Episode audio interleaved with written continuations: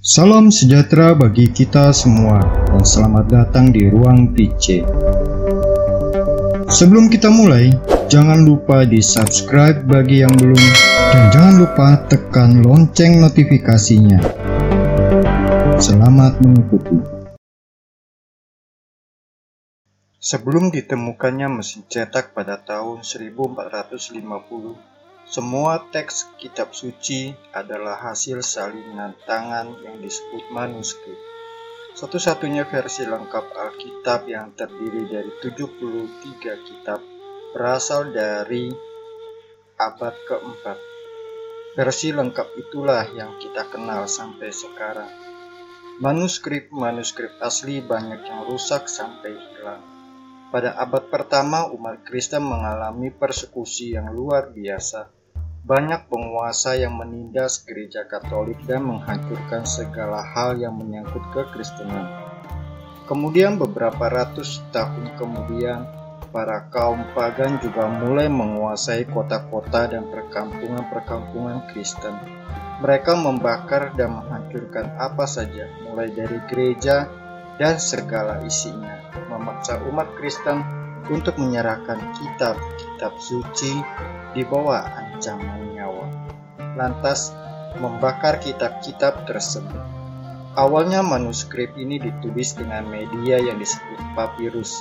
Papirus adalah sejenis tanaman air yang batangnya dijadikan media untuk menulis.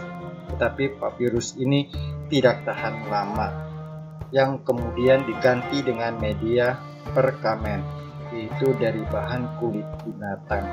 Karena situasi yang mencekam, banyak orang Kristen melarikan diri ke daerah-daerah gurun dan bukit. Mereka tinggal di dalam gua-gua untuk melindungi diri sambil menyalin ulang kitab-kitab suci itu dengan media kulit binatang.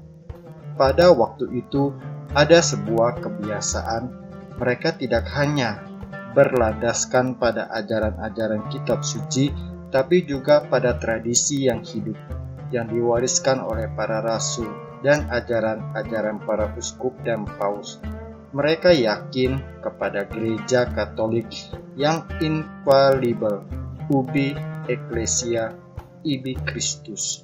Pada abad-abad berikutnya, kekristenan terus berkembang dan semakin bertumbuh di wilayah yang pernah menjadi bagian dari kerajaan Romawi. Mulai dari Asia Barat wilayah Turki, Mesir, dan Arab lalu ke Eropa. Semakin banyak orang menjadi Kristen sehingga ada kebutuhan terjemahan-terjemahan dalam bahasa lokal seperti bahasa Armenia, Syria, Arab Ethiopia, dan Kop. Pada masa itu sebagian orang Kristen di daerah Afrika dapat menggunakan bahasa Latin. Sekitar tahun 150 Masehi, sebenarnya sudah ada terjemahan versi Latin tetapi banyak terdapat kesalahan terjemahan dan berbagai macam versi. Kemudian di abad keempat ada seorang biarawan bernama Hieronymus atau lebih dikenal sebagai Santo Jerome yang hidup sekitar tahun 347 sampai 30 September 420 Masehi. Ia adalah seorang apologis Kristen dan juga penterjemah kitab suci dari bahasa Ibrani dan Yunani ke dalam bahasa Latin. Alkitab edisi Hieronymus adalah kitab Vulgata atau Alkitab yang berbahasa Latin. Pada tahun 382 Santo Jerome atas perintah Paus Santo Damaskus ia menerjemahkan kitab perjanjian baru dalam bahasa Latin sambil mengkoreksi terjemahan yang ada dalam versi Yunani di Bethlehem antara tahun 392 sampai dengan 404. Ia juga menerjemahkan kitab-kitab perjanjian lama langsung dari versi bahasa Ibrani, bukan dari versi Septuagint ke dalam bahasa Latin. Kitab Mazmur sudah tersedia dalam bahasa Latin pada saat itu, tetapi kemudian direvisi oleh Santo Jerome Inilah Alkitab lengkap yang diakui resmi oleh Gereja Katolik yang nilainya tak terukur menurut para ahli Alkitab masa kini. dan terus mempengaruhi versi-versi lainnya sampai pada zaman reformasi Protestan. Alkitab pada abad pertengahan Abad pertengahan yang dimaksud adalah sebuah terminologi yang menjelaskan kondisi di Eropa sejak abad ke-5 sampai dengan abad ke-15. Diawali dengan runtuhnya dinasti Romawi yang kemudian Eropa memasuki abad pembaruan dan abad penjelajahan. Dalam kurun waktu itu juga Eropa memasuki abad pencerahan. Ilmu pengetahuan dan seni sastra sangat maju. Pada masa itu biara-biara banyak yang menyalin ulang dari manuskrip-manuskrip itu dengan karya seni yang tinggi. Para kaum religius, biarawan dan biarawati adalah kaum yang paling terpelajar saat itu. Mereka menyalin, memperbanyak, memelihara, dan menyebarluaskan Alkitab selama berabad-abad. Pada zaman itu, salah satu kegiatan utama mereka adalah menyalin isi Alkitab, sedangkan biara-biara menjadi pusat penyimpanan naskah-naskah Alkitab.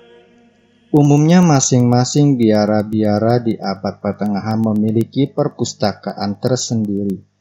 Pada masanya Alkitab atau kitab suci yang dihiasi adalah cenderamata yang terhormat dan bernilai tinggi yang biasa dipertukarkan di antara oleh para raja, paus, uskup, dan kepala biara.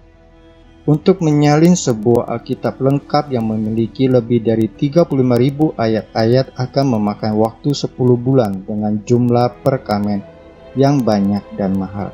Itu sebab orang yang kehidupannya biasa saja sulit memiliki Alkitab di masa itu. Di masa yang lalu, keluarga-keluarga biasanya hanya memiliki salinan dari pasal-pasal yang favorit saja, dan kebiasaan itu terus berkembang hingga saat ini.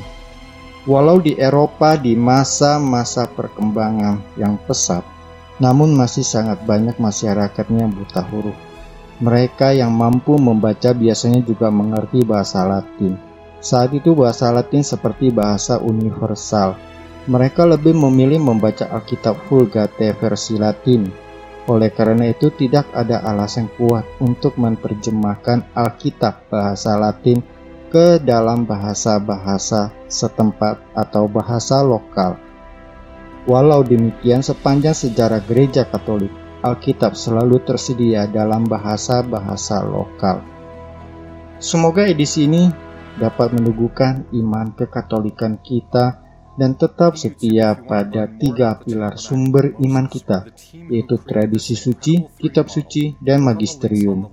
Kita tidak perlu menjadi seorang ahli agama Katolik, tetapi dengan mengetahui sejarah dan kisah-kisah dalam gereja Katolik adalah hal yang penting untuk merawat iman kekatolikan kita.